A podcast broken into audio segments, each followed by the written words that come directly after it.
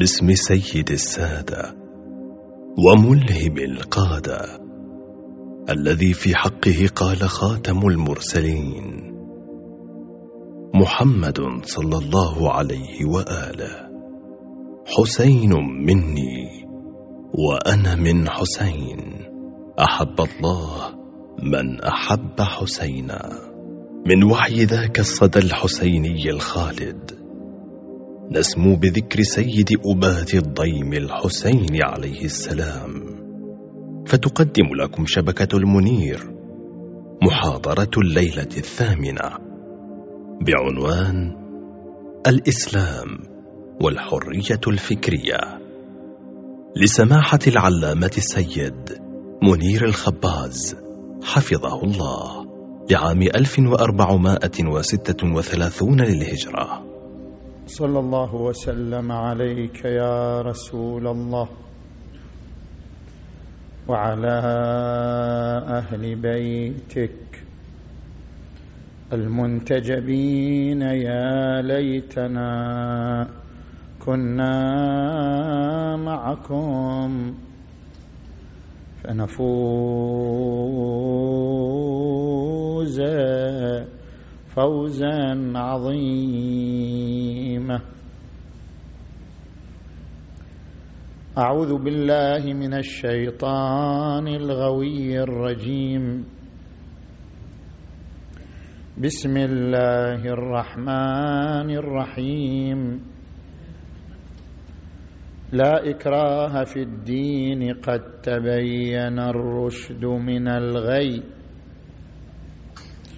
فمن يكفر بالطاغوت ويؤمن بالله فقد استمسك بالعروة الوثقى. لا انفصام لها.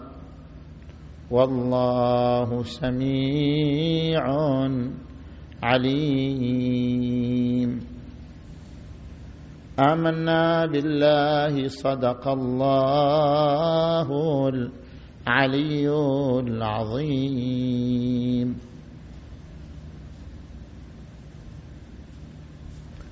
انطلاقا من الآية المباركة نتحدث حول الحرية الفكرية في الإسلام. وذلك في محاور ثلاثة. المحور الأول في الفرق بين حرية الفكر وحرية الاعتقاد.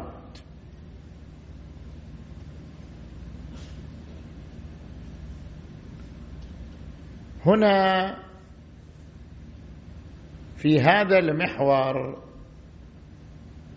نطرح سؤالين ونجيب عنهما.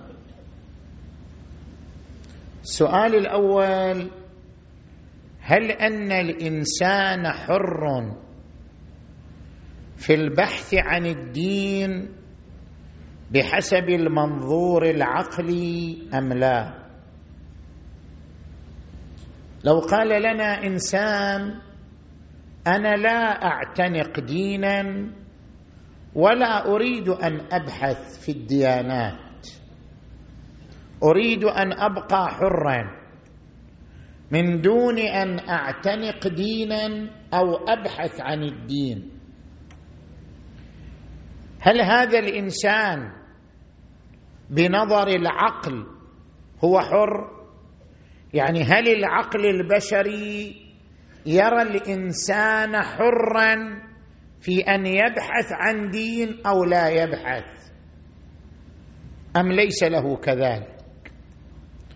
ربما يتصور الإنسان أن العقل يقول إنسان حر يريد يبحث عن الدين ما يريد يبحث يعتقد ما يريد يعتقد من الناحية العقلية هو حر. لكن هذا ليس صحيحا. العقل يفرض على الإنسان ما نقول الله ما نقول الشرع العقل. نتكلم من ناحية عقلية. العقل يفرض على الإنسان أن يبحث عن الدين. ليش؟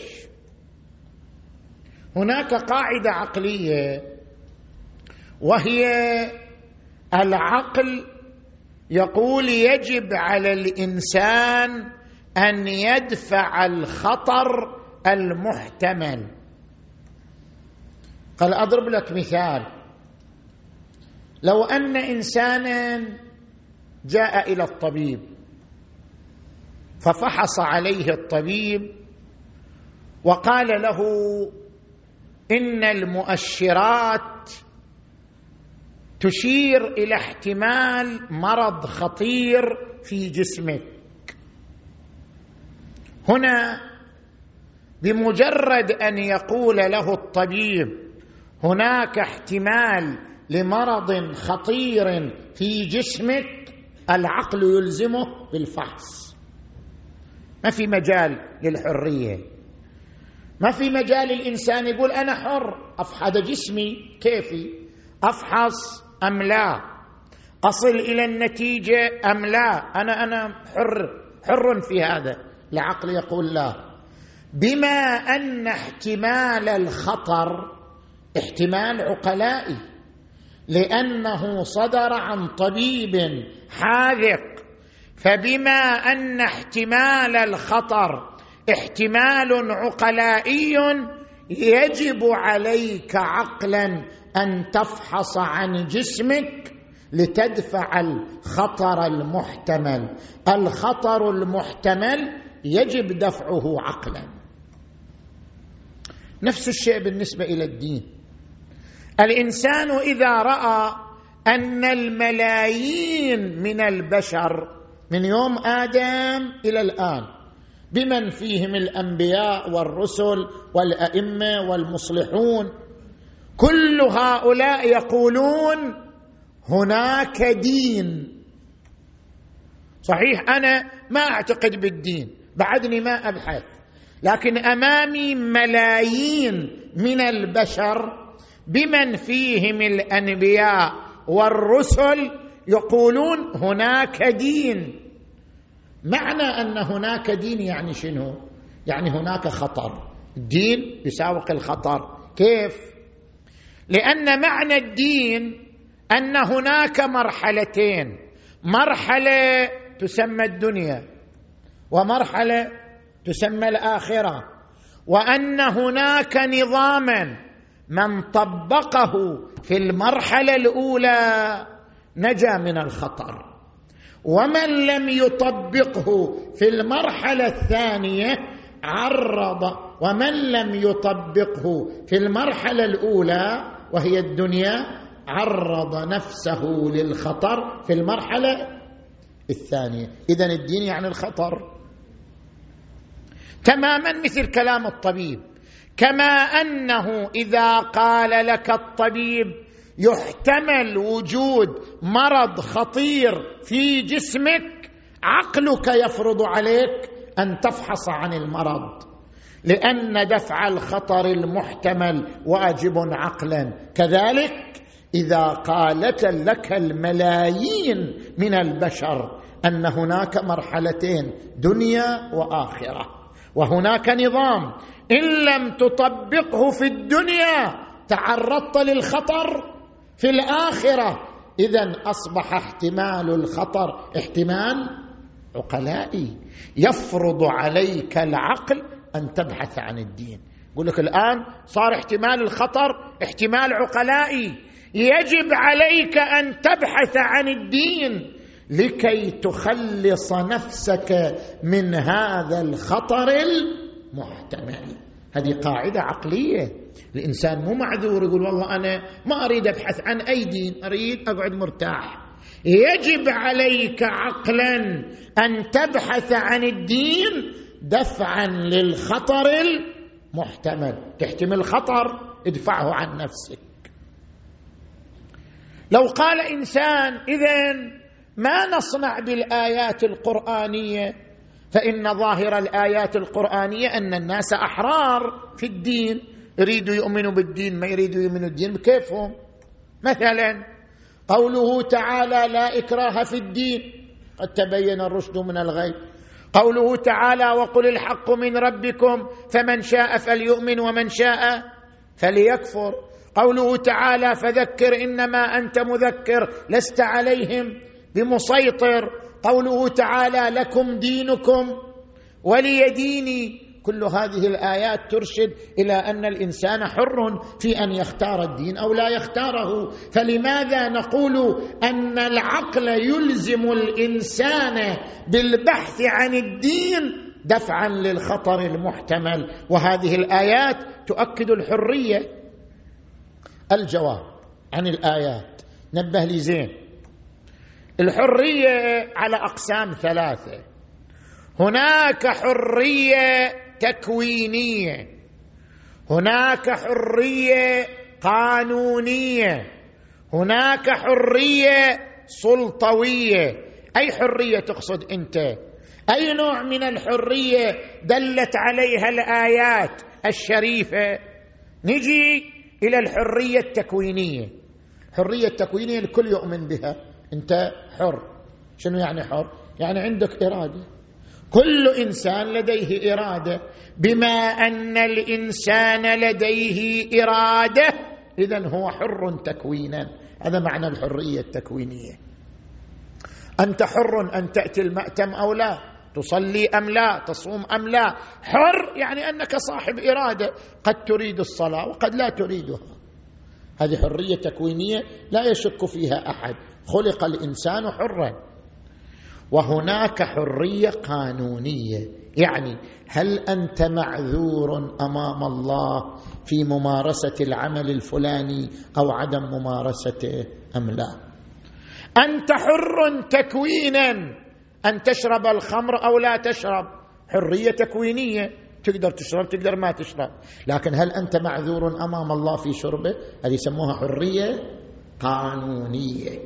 الحرية التكوينية شيء والحرية القانونية شيء آخر. الحرية التكوينية يعني امتلاك الإرادة. أنت عندك إرادة تشرب خمر أم لا؟ لكن الحرية القانونية هل أنت معذور أن تشرب أم لا؟ لا. ليست لك حرية قانونية. يجب عليك اجتناب الخمر. إنما الخمر والميسر والمن. إنما الخمر والميسر والأنصاب والأزلام رجس من عمل الشيطان فاجتنبوه. لا أنت مو حر قانونا. وإن كنت حرا تكوينا. زين. نجي إلى الحرية السلطوية. هل يجب على الدولة أن تفرض عليك الدين؟ نقول لا. ما يجب على الدولة أن تفرض الدين بالقوة. إذا معناه أنت حر من الناحية من ناحية السلطة. إذا جئنا للدين الدين هل أنت حر في الدين؟ حرية تكوينية؟ نعم. تقدر تأخذ بالدين تقدر ما تأخذ به لأنك صاحب إرادة. زين. هل أنت حر سلطويا من ناحية الدين أم لا؟ نعم. ليس لأي سلطة أن تفرض عليك الدين بالقوة فأنت حر من الناحية السلطوية. زين. هل أنت حر قانونا؟ يعني هل باختيارك أن تدين أو لا تدين وتصير معذور أمام الله؟ لا. هذه الحرية القانونية؟ لا. أنت حر تكوينا أن تؤمن بالدين أو لا؟ أنت حر سلطويا. يعني ليس للسلطة أن تفرض عليك الدين لكن لست حرا بالحرية القانونية. يعني لست معذورا أمام الله أن تؤمن بالدين أو لا تؤمن وإلا لكان تشريع الدين لغوا إذا الناس أحرار يؤمنوا بالدين أو لا يؤمنوا إذا تشريع الدين لغو. لا وجه له ما دام الناس بكيفهم. زين؟ لا توجد آية في القرآن تدل على الحرية القانونية. إحنا ما نتكلم عن الحرية التكوينية ما نتكلم عن الحرية السلطوية كلاهما مسلم. أما الحرية القانونية لا توجد آية في القرآن تقول أنت معذور أمام الله وأمام العقل أن تؤمن أو لا تؤمن. ما عندنا. شلون؟ خلينا نقرأ الآيات. أما قوله عز وجل لكم دينكم ولي ديني هذه مو معناها الحرية هذه بالعكس هذه معناها البراءة. يعني برئت من دينكم كما برئتم من ديني. ولذلك تقرأ سياق سورة الكافرون سياق سياق البراءة. قل يا أيها الكافرون لا أعبد يعني أنا بريء من عبادتكم. لا أعبد ما تعبدون. ولا أنتم عابدون ما أعبد. ولا أنا عابد ما عبدتم. ولا أنتم عابدون ما أعبد. لكم دينكم. يعني برئت من دينكم كما برئتم من ديني. هذه معناها البراءة وليس معناها الحرية. زين. تيجي لآية أخرى. قوله عز وجل فذكر إنما أنت مذكر لست عليهم بمسيطر. أو أنلزمكموها وأنتم لها كارهون. هذه الآية معناها الحرية السلطوية اللي إحنا قررناها. يعني أنت يا رسول الله صاحب سلطة لكن لا تفرض الدين بالسلطة. لا تفرض الدين بالقوة. ليس للسلطة أن تفرض الدين بالقوة والقهر. فهذه الآيات تشير إلى الحرية السلطوية. وقد قلنا هذا الأمر مسلم. زين.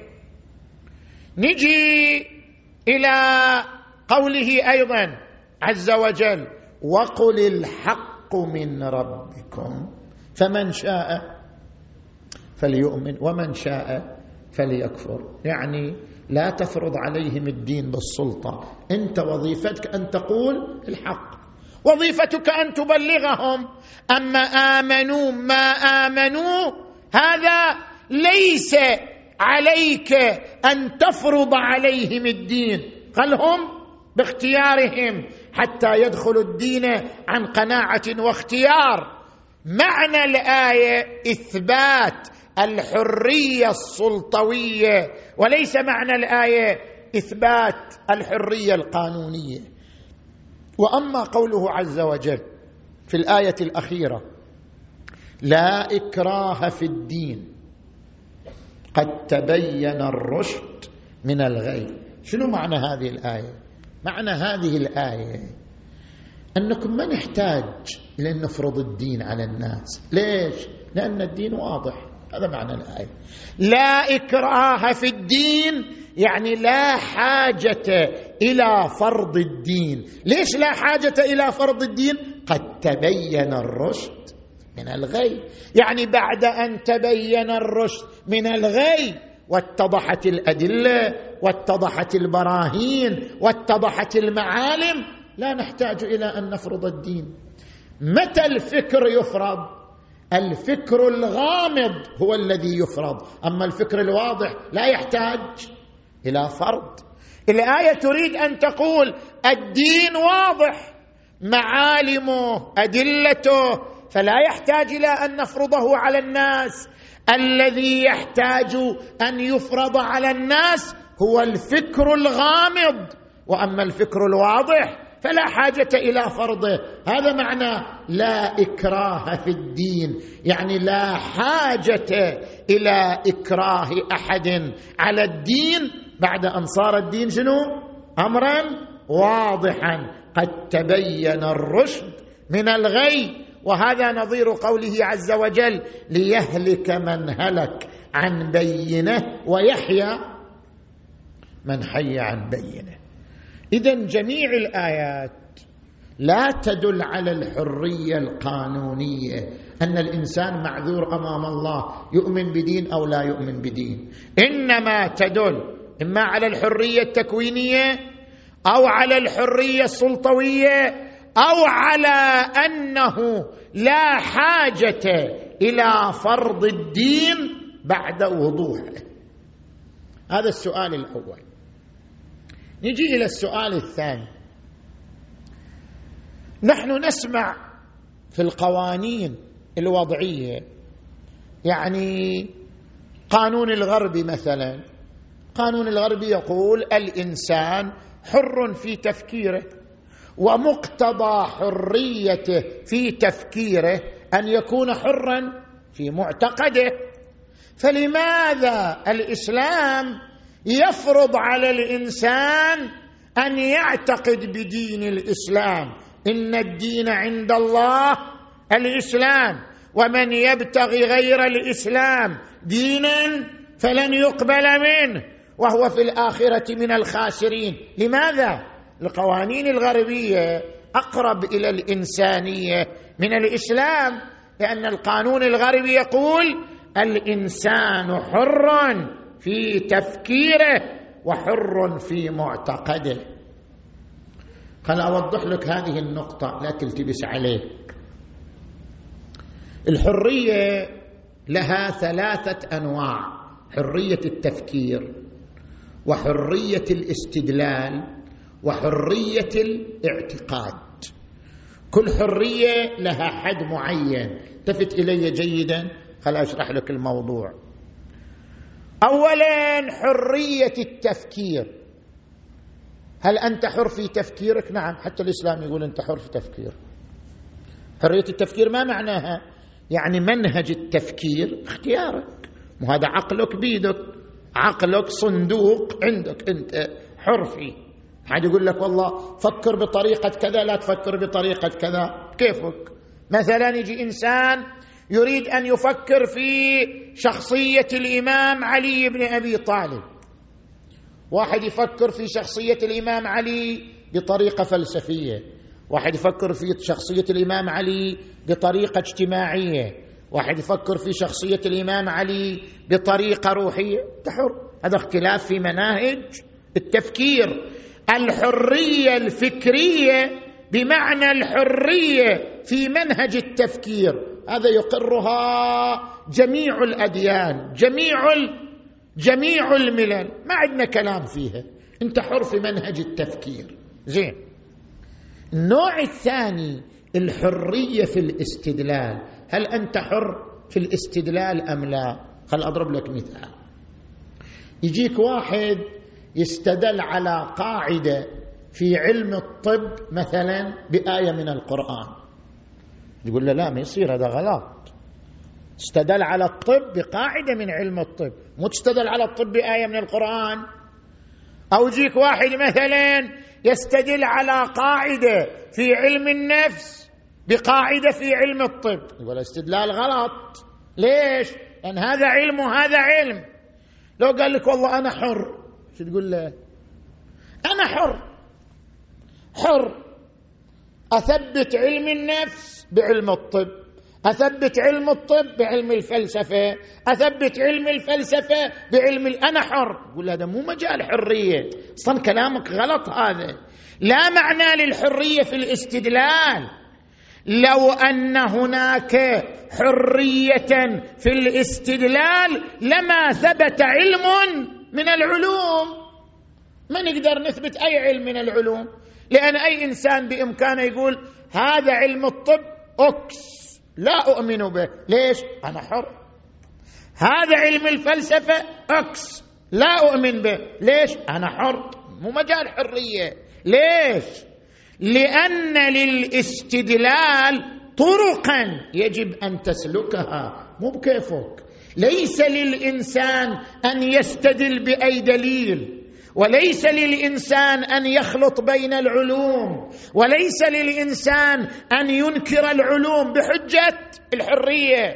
ليس هذا مجال للحرية هذا خطأ. الاستدلال لا حرية فيه. يجب أن تستدل على كل فكرة بالطرق شنو؟ الصحيحة. ما تقدر تقول والله أنا حر. ما له معنى الحرية هنا. والطرق الصحيحة أحد نحوين. إما المنطق الأرسطي وإما الدليل الرياضي. أنت عندك أمامك طريقان. أي علم من العلوم أي فكرة من الأفكار. تريد تثبتها؟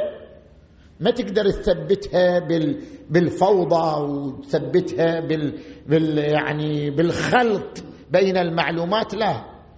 العلماء وضعوا طريقين. المنطق الأرسطي من زمان أرسطو الفيلسوف اليوناني قبل الميلاد من زمان أرسطو إلى زماننا يوجد طرق صحيحة للاستدلال. وضعها الفيلسوف وضعها الفيلسوف الذي هو شنو؟ أرسطو. كتاب المنطق إذا عنده كتاب المنطق للشيخ محمد رضا المظفر يشرح لك المنطق الأرسطي في مجال الاستدلال القياس الاقتراني القياس الاستثنائي. مو بكيفك أنت تقول أنا أريد أستدل بالكيفية التي أراها لا. هناك طرق وضعها علماء المنطق للاستدلال لابد أن تسلكها وإلا تصير النتيجة خاطئة. زين؟ هذا طريق الطريق الآخر الدليل الرياضي المسمى بدليل حساب الاحتمالات. دليل حساب الاحتمالات دليل في علم الرياضيات. هذا طريق صحيح للاستدلال. الشهيد السيد محمد باقر الصدر قدس سره كتب هذا الكتاب العظيم اللي يعد إنجاز في زمانه الأسس المنطقية للاستقراء. ركز على دليل حساب الاحتمالات وساهم في وضع اللبنات لهذا الدليل. اذا مو بكيفك أن تستدل بأي شيء وبأي نحو. إذا أردت الاستدلال فإما أن تسلك المنطق الأرسطي أو تسلك دليل حساب الاحتمالات. فلا حرية في مجال الاستدلال. عند كل الأمم كل الشعوب. زين. النوع الثالث من الحرية الحرية في الاعتقاد. هل أنت حر في الاعتقاد؟ شلون يعني حر في الاعتقاد؟ يعني الآن أنت أقمت الدليل. قبل أن تقيم دليل تقول والله أنا حر بعدي ما عندي دليل صح لو لا؟ والله تقول لي مثلا عليك أن تعتقد برجعة الأئمة إلى الدنيا. ما عندي دليل كيف أعتقد؟ قبل أن يقوم دليل أنت حر. لكن بعد أن يقوم دليل قطعي تقدر تقول بعد أنا حر؟ كيف حر وقد قام الدليل؟ يصير. إنسان قام لديه الدليل قام لديك دليل واضح على وجود الله. هل تقدر تقول والله؟ حتى لو في دليل بس أنا حر. سير لا حرية في الاعتقاد لما؟ لأن الاعتقاد عبارة عن اليقين بالنتيجة بعد اليقين بالدليل. إذا قام دليل يقيني بعد كيف تقول أنا حر أم لا؟ من حصل له اليقين بالدليل حصل له اليقين بشنو؟ بالنتيجة. بعد ما, ما, ما في تفكيك ما في مجال. والله مثلا أنت تجي إلى المختبر. المختبر سووا عليك تحليل دم تحليل كذا. اكتشفوا أن فيك مرض معين. قال لك هذا التحاليل هذه النتيجة. هذا التحليل دليل أوجب لنا اليقين بأن فيك مرض. يقول لا والله أنا حر. حر في شنو؟ حر أعتقد في مرض ولا لا؟ ما يصير. قام لديك دليل يوجب اليقين بالمرض بعد وجود الدليل اليقيني لا معنى للحرية بأن تقول أنا حر أم لا. صح قبل ما في دليل. صح. قبل أن يجرى عليك الاختبار والتحليل تقدر تنكر يقول لا مرض في جسمي. بعد أن قام الدليل القاطع أن في جسمك مرضا. ما تقدر تقول لا والله أنا حر أن أعتقد بوجود المرض أم لا. اليقين بالدليل يساوي اليقين بالنتيجه ولا يمكن التفكيك بين اليقين بالدليل واليقين بشنو؟ بالنتيجة. ولهذا تشوف الإمام علي عليه السلام يتحدث عن صفات المتقين. شو يقول؟ هجم بهم العلم. إيش معنى هجم العلم؟ كيف العلم يهجم؟ هجم بهم العلم عن حقيقة البصيرة. وباشروا روح اليقين واستلانوا ما استوعره المترفون وانسوا بما استوحش منه الجاهلون. خلينا نسأل سؤال إيش معنى هجم؟ كيف العلم يهجم؟ يعني العلم يفرض عليك النتيجة. إذا علمت بالدليل العلم بالدليل يفرض عليك شنو؟ الإيمان بالنتيجة. هذا معنى هجم بهم اليه قامت لديهم أدلة واضحة. على وجود الله بعد أن قامت لديهم أدلة واضحة على وجود الله بعد ما يقدروا ينكروا وجود الله. لما؟ لأن اليقين بالدليل يساوي اليقين بالنتيجة. هجم بهم العلم عن حقيقة البصيرة. اذا يا إخوان أكو خلط في المصطلحات. الحرية في منهج التفكير صح كل القوانين تقولها. الحرية في الاستدلال غلط. لابد أن تستدل بدليل صحيح. لست حرا في الاستدلال. الحرية في الاعتقاد أيضا غلط لأن لك الحرية قبل أن يقوم الدليل. ولكن إذا قام الدليل اليقيني فاليقين بالنتيجة شيء أوتوماتيكي وليس باختيارك أن تفكك بين اليقين بالدليل واليقين بالنتيجة. زين. نجي الآن إلى المحور الثاني من حديثنا. صلوا على محمد وآل محمد.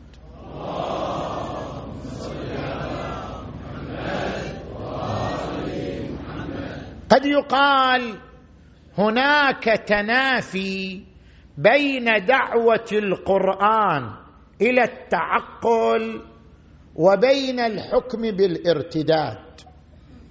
من نرجع لآيات القرآن نجد أن آيات القرآن تأمر بالتعقل.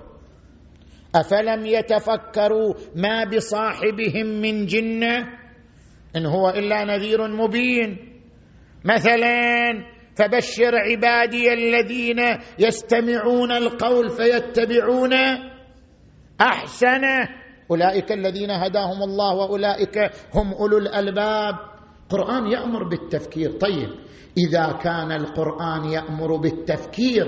أنا فكرت وصلت إلى أن نتيجة أن الله مو موجود. مقبول أو لا؟ والقران يأمر بالتفكير؟ أمرنا القرآن بالتفكير. أمرنا بالتعقل فسلكنا طريق التفكير والتعقل. كانت النتيجة أن الله غير موجود. أن النبي غير موجود. هل يقبل القرآن منا ذلك؟ أم يقال هذا إنسان مرتد؟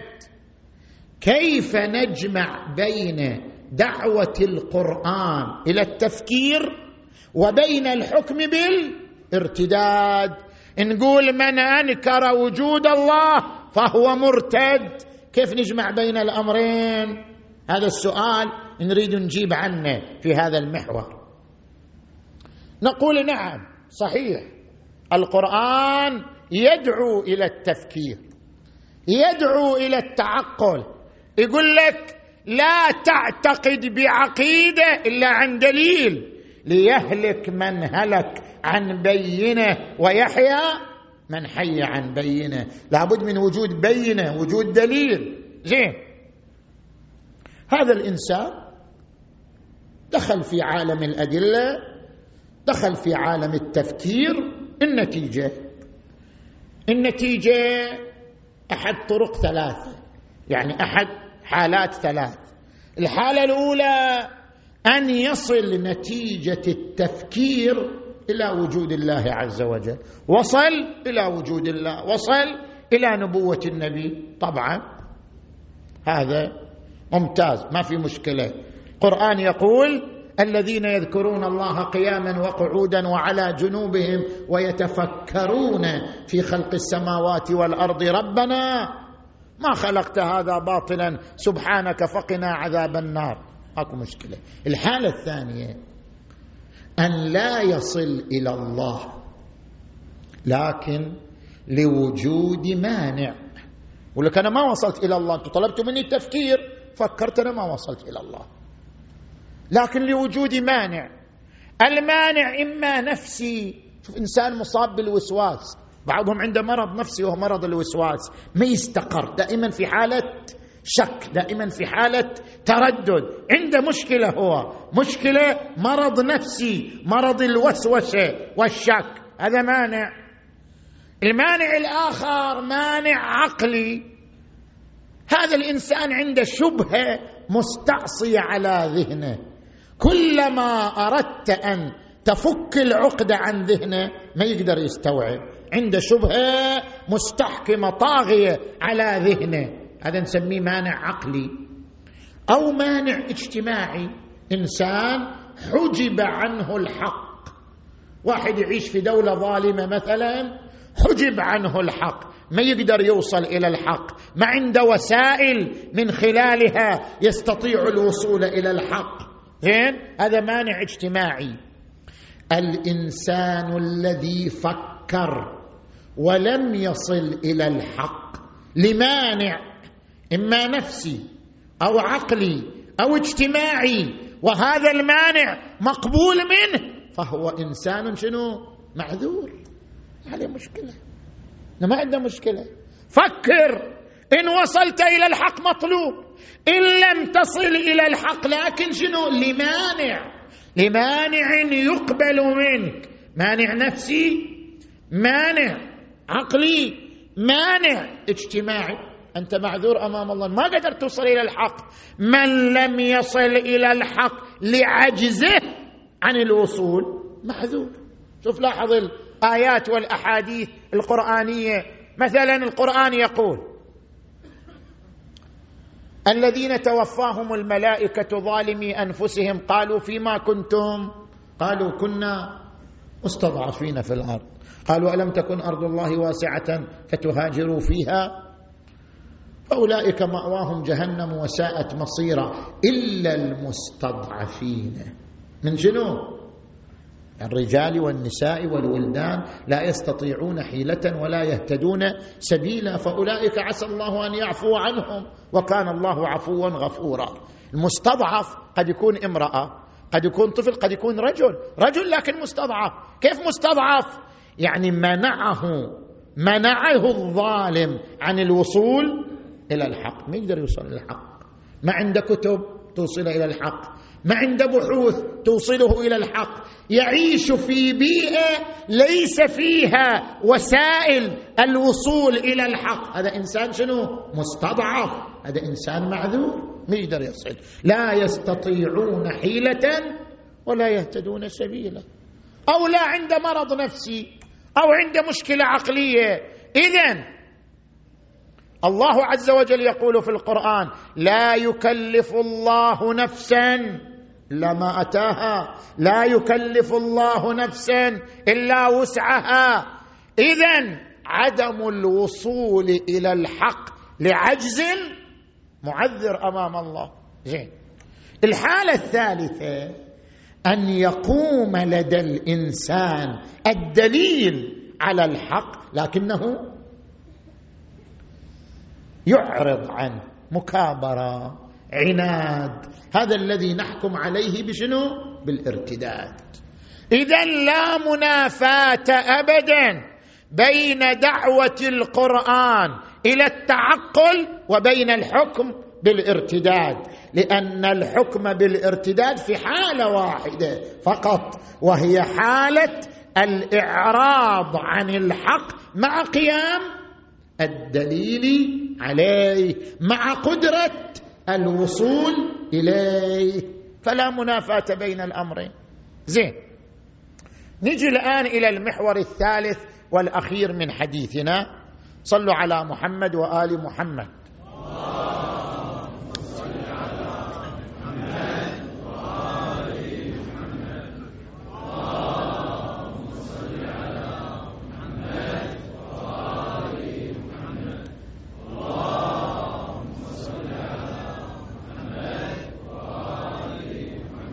من المعروف فقهيا لدى الإمامية حد الارتداد. من أنكر الله أنكر نبوة النبي بعد أن كان مسلما يحكم عليه بأنه مرتد. ما هي حدود الارتداد بحسب المنظور الفقهي؟ خل أشرح لك هذه النقطة؟ حتى تعرف هل الحكم بالارتداد يتنافى مع الحرية الفكرية أم لا. نجي نطرح عدة أسئلة. السؤال الأول هل أن الحكم بالارتداد حكم قانوني لا يتخلف ولا يختلف أو أنه حكم تدبيري؟ فرقنا في الليالي السابقة بين الحكم القانوني والحكم التدبيري الحكم القانوني حكم شرعي يشمل كل المجتمعات كل الأزمنة ما يتخلف. مثل شنو؟ اشتراط الصلاة بالطهارة. لا تصح الصلاة إلا بطهارة. هذا حكم قانوني ما يتخلف. ما يقدر يجي واحد في المستقبل يقول لا الصلاة خلاص بدون طهارة تصير. ما يصير خلاص. الصلاة تشترط فيها الطهارة. هذا حكم ثابت ما يتغير. سموه حكم قانوني. وهناك حكم تدبيري وهو الحكم الذي يصدر من ولي الأمر إذا اقتضته المصلحة. الفقيه الجامع للشرائط إذا اقتضت المصلحة أن يصدر حكم معين. مثلا يقول الفقيه يحرم شراء البضائع الإسرائيلية. هذا حكم تدبيري. المصلحة اقتضت أن يصدر هذا الحكم أصدره. فقيه مثلا يقول يجب خروج الشعب للانتخابات. يجب أن يتسلح الشعب للدفاع عن نفسه. اللي يسموها أحكام شنو؟ تدبيرية ولايتية. تصدر من الفقيه الجامع للشرائط إذا اقتضت المصلحة. هذا الحكم التدبيري يتغير بتغير شنو؟ الظروف. لأنه حكم يصدر في ظرف معين لاقتضاء المصلحة له وليس حكما ثابتا. زين نجي للارتداد. الحكم بالارتداد فلان ارتد يلا أقموا عليه الحد المرتد يقتل.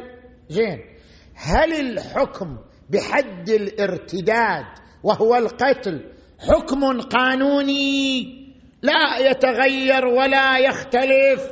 أم أنه حكم تدبيري؟ يعني بيد ولي الأمر بيد الفقيه الجامع للشرائع. قيمة ما يقيمه وحسب ما يراه من المصلحة وليس حكما قانونيا.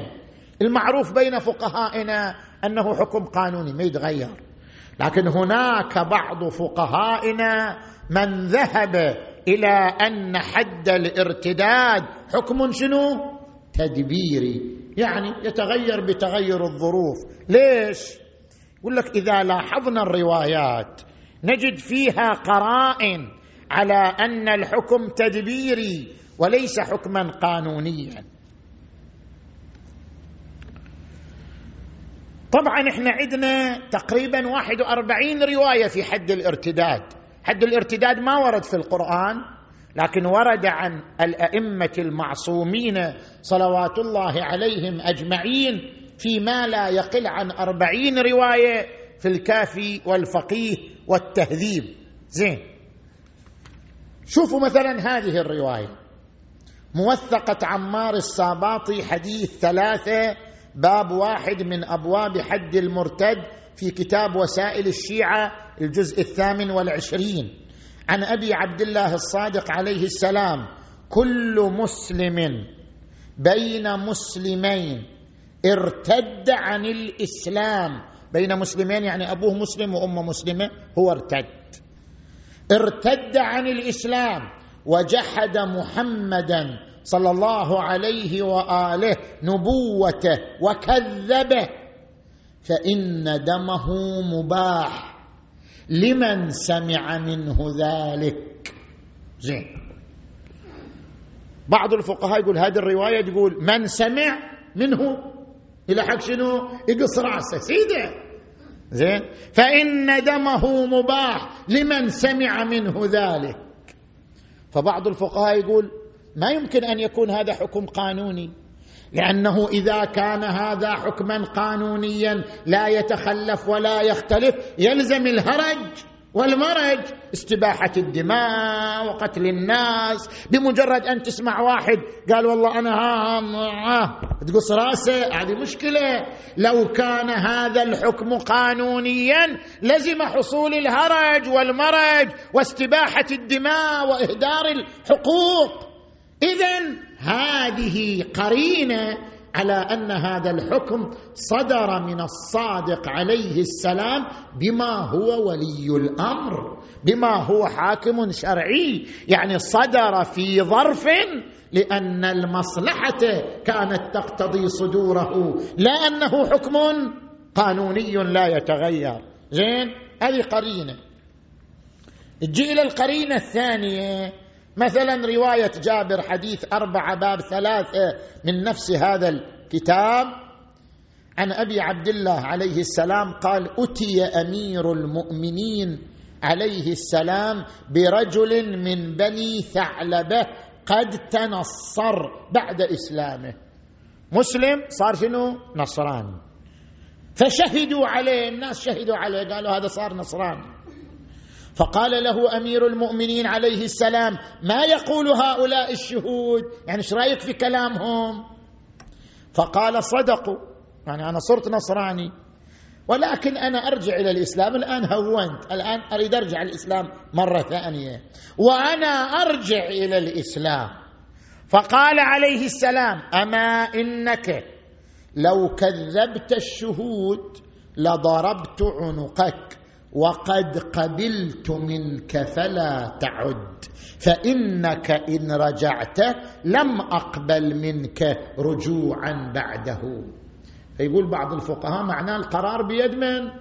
بيد الإمام يقبل أو ما يقبل؟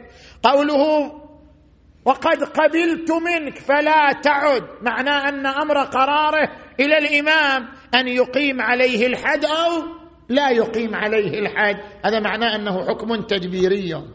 عندنا بعد رواية ثالثة. حديث ثلاثة باب خمسة. صحيحه زراره عن أحدهما يعني الباقر أو الصادق. قال قال رسول الله صلى الله عليه وآله لولا شوف هذه رواية جدا غريبة. لولا أني أكره هذا كلام النبي. لولا أني أكره أن يقال إن محمدا استعان بقوم حتى إذا ظفر بعدوه قتلهم لضربت أعناق قوم كثير. شنو معنى الرواية؟ معنى الرواية يقول النبي ترى كثير من أصحابي مرتد بس ما أضرب أنا اعناقهم لأنني لو ضربت أعناقهم لقالوا شنو؟ محمد بعد ما صف أعدائه صار يصفي أصحابه استعان بجماعة وصف الأعداء. يوم خلص من تصفية الأعداء رجع إلى الأصدقاء ليصفيهم. لولا أني أكره أن يقال إن محمدا استعان بقوم حتى إذا ظفر بعدوه قتلهم لضربت أعناق قوم كثير. اذا بعضهم يستفيد من هذه الروايات أن الحكم بحد المرتد هو حكم تدبيري للإمام. أو للحاكم الشرعي قراره وليس حكما ثابتا فلا يتنافى مع مبدأ الحرية الفكرية. طبعا هذه القرائن محل نقاش في الفقه إنما ذكرناها لأجل استعلام حدود موضوع حد الارتداد. زين هذا السؤال الأول. السؤال الثاني إذا سلمنا أن حد الارتداد حكم ما يتغير. هل تقبل توبة المرتد أم لا؟ هو توبة عند الله تقبل واحد ارتد ثم تاب إلى ربه تقبل. كلام هل تقبل توبته عند الحاكم أم لا؟ ثبت عليه الارتداد؟ بعد ما ثبت عليه الارتداد؟ قال أنا تائب. هل يقبل الحاكم توبته ويطلق سراحة أم لا؟ أغلب علمائنا أو المعروف بين علمائنا أنه لا لا تقبل توبته خلاص. توبته بينه وبين ربه تقبل أما أمام الحاكم لا تقبل. هناك فرق بين المرتد الفطري والمرتد الملي. المرتد الفطري هو الذي يكون في الأصل مسلم ثم يرتد. هذا يسموه مرتد فطري. هذا يقتل ولا يستتاب. المرتد الملي كان مسيحي أو يهودي ثم أسلم ثم ارتد. هذا يسمى مرتد ملي. هذا المرتد الملي يستتاب استتاب ثلاث مرات فإذا رجع بعد المرة الثالثة يقتل. ليش الفرق بينهما؟ طبعا بعض فقهاء يقول لا فرق بينهما. هناك روايات مطلقة سواء كان مرتدا فطريا أو مليا كلاهما يستتاب ولا يقتل مباشرة يقتل بعد التوبة الرابعة لما؟ لهذه الرواية الصحيحة لإطلاق رواية صحيحة صحيحة محمد بن مسلم حديث واحد من نفس الباب قال من جحد نبيا نبوته وكذبه فدمه مباح إلى أن قال إلا أن يرجع ويتوب. إلى إلى الله مما قال. فيقال هذه الرواية مطلقة اذا تقبل توبته. لكن بعض العلماء وهم الأكثر وهم المعروف يقولون عندنا روايات فصلت. بين مرتد فطري فلا تقبل منه توبة. بين مرتد ملي تقبل منه التوبة. الحديث الذي قرأناه سابقا موثقة عمار قال كل مسلم بين مسلمين ارتد عن الإسلام إلى أن قال فإن دمه مباح وعلى الإمام أن يقتله ولا يستتيبه لا ياخذ منه توبة. زين. نجي الآن إلى السؤال الثالث. زين. افترضنا أن حد المرتد حد قانوني ما يتغير؟ وافترضنا أن المرتد الفطري لا يقبل توبته عند الحاكم. هالشكل يعني حد الارتداد سهل بس ارتد خلاص يقص راسه يعني. أم هناك شروط؟ لا طبعا هناك شروط. هناك شروط موثقة مغلظة. لأن حد الارتداد يقام مطلقا. هل أذكر لك هذه الشروط. الشرط الأول ما اشترطه بعض العلماء. قال يشترط تكذيب النبي. ده شرط مختلف فيه لكن بعض العلماء يقول لا. مجرد أن ينكر شيء هذا لا يدل على ارتداده. ما لم يكذب النبي ما لم ينسب النبي إلى الكذب. ليش؟ لأن إحنا قرأنا في روايتين قال من جحد نبيا وكذبه. من جحد محمدا وكذبه يكون يكذب النبي. أما واحد يقول أنا ما أكذب النبي. واحد يقول الله أنا لا أؤمن بنجاسة الدم. ليش ما تؤمن بنجاسة الدم؟ ما أؤمن. هل تكذب النبي؟ يقول لا أنا ما أكذب النبي. لعل النبي ما قال. أنا أنكر هذا الحكم لكنني لا أكذب النبي. إذا لم يكذب النبي وإن أنكر أمرا ضروريا من الضروريات ما لم يكذب النبي لا يحكم عليه بشنو؟ بحد الارتداد. هذا الشرط الأول عند بعض العلماء. الشرط الثاني أن لا تكون لديه شبهة. لو إنسان عنده شبهة مستعصية كل ما تبين إليه ما ما ما يستوعب. ما يستوعب. كل ما تقيم للأدلة ما يستوعب بعده. هو عنده شبهة مستعصية. في عقله شبهة تمنعه عن الإيمان بنبوة النبي أو تمنعه عن الإيمان بوجوب الصلاة مثلا. في ذهنه شبهة. كل ما حاولت أن تفكها لا تنفك. إذا كان لديه شبهة مستعصية لا يقام عليه حد الارتداد. ليش؟ هذا السيد السبزواري رحمه الله في كتابه مهذب الأحكام جزء 27 صفحة 228 باحث هالنقطة مع وجود الشبهة باتفاق العلماء من كانت لديه شبهة مستعصية لا يقام عليه حد الارتداد باتفاق العلماء. لما ورد عن النبي صلى الله عليه وآله ادرأوا الحدود بالشبهات. ولما ورد عن الصادق عليه السلام إذا أتى العبد كبيرة كان خارجا عن الإيمان وثابتا على الإسلام. فإن تاب واستغفر عاد إلى الإيمان ولم يخرجه إلى الكفر إلا الجحود. إذا واحد يشكك ما يعتبر كافر. ما لم يجحد لابد يجحد. الجحود يعني إبراز الإنكار. إذا أبرز الإنكار مع قيام دليل امامه أقمنا له الدليل على وجود الله أقمنا له الدليل على نبوة النبي ومع ذلك أنكر. هذا يقال شنو؟ جحد. أما من كانت لديه شبهة وغير قادر على استيعاب الدليل هذا لا يعتبر جاحدا حتى يقام عليه الحد. زين. الشرط الثالث أن لا يكون ارتداده أن يكون ارتداده عفوا موجبا للفتنة. هذا الشرط محل خلاف. أكو واحد يرتد في مجتمع غربي جالس في مجتمع غربي قال أنا ما أؤمن بنبوة النبي محمد صلى الله عليه وآله. وهذا ارتداده وهو يعيش في مجتمع غربي لا يحدث فتنة. مشكلة. أما إذا كان واحد في صلب المجتمع شنو؟ الإسلامي. مؤمن معروف. وإذا به يجهر بالارتداد فينكر وجود الله أو ينكر نبوة النبي. بما أنه أعلن ارتداده في وسط المجتمع الإسلامي فإعلان الارتداد يوجب فتنة. يوجب فتنة فكرية. يوجب فتنة اجتماعية. لأن إعلان ارتداده يوجب فتنة يستحق إقامة الحد. إذا لا يقام الحد على كل مرتد لا. على من كان ارتداده موجبا لحدوث فتنة. هذا من وين هذا الشرط الذي يراه بعض العلماء؟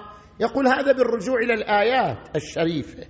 مثلا عندما نقرأ قوله تعالى وقاتلوا في سبيل الله الذين يقاتلونكم ولا تعتدوا.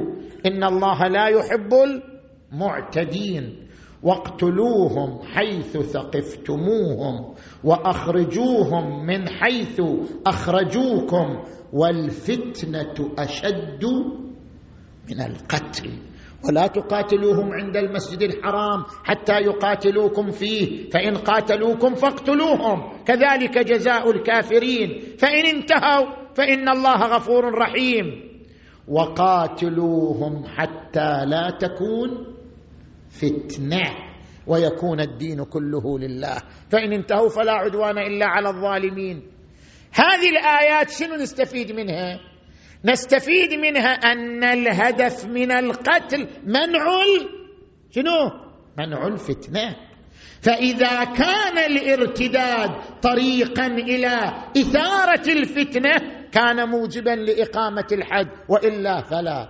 شنو ربط الآيات بالموضوع؟ الآيات تتحدث عن القتال. وإنت قاعد تتحدث عن القتل قتل المرتد. يقال نعم المرتكز العرفي لا يفرق بين البابين. المرتكز العرفي إذا قرأ هذه الآيات يفهم منها أن إراقة دم أي إنسان لأجل كفره أو لأجل إنكاره إنما هو لأجل منع الفتنة وليس مطلقا.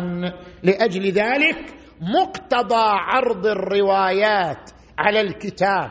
هناك مسلك عند بعض علمائنا يشترط في حجية الرواية موافقة الكتاب موافقة روحية. زين؟ على هذا المسلك. يقول لك هذه الروايات صحيح مطلقة. يقول اقتلوه. لكن إذا عرضناها على الكتاب الكريم فإنما توافق الكتاب موافقة روحية إذا اشترطنا هذا الشرط فيها وهو أن نقول إنما يقتل المرتد إذا كان ارتداده سببا لإثارة الفتنة. زين. والقرآن يهتم بموضوع الفتنة. لاحظوا في قوله عز وجل لو خرجوا فيكم ما زادوكم إلا خبالا ولا أوضعوا خلالكم يبغونكم الفتنة.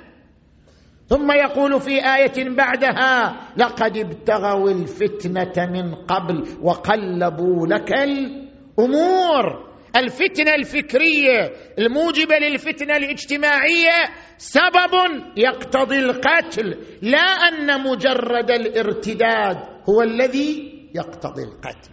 اذا عندما الآن شرحت لك الموضوع بالتفصيل أخذت إياك ساعة وأنا أتكلم. من خلال بيان تفاصيل الموضوع تعرف أن الحرية الفكرية لا تتنافى مع قول العلماء بحد الارتداد. إما لأن حد الارتداد حكم تدبيري وليس حكما ثابتا. أو لأن حد الارتداد وإن كان ثابتا لكن مشروط بشروط وليس مطلقا حتى يتنافى مع فتح باب الحرية الفكرية.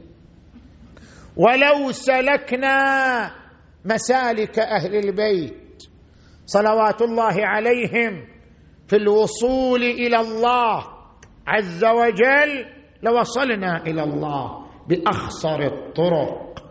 فهؤلاء الذين انكشف لهم عالم الملكوت وغرفوا منه نمير العلم وصلوا إلى الله بأقصر الطرق. ورد عن أمير المؤمنين علي عليه السلام بك عرفتك وأنت دليلي عليك.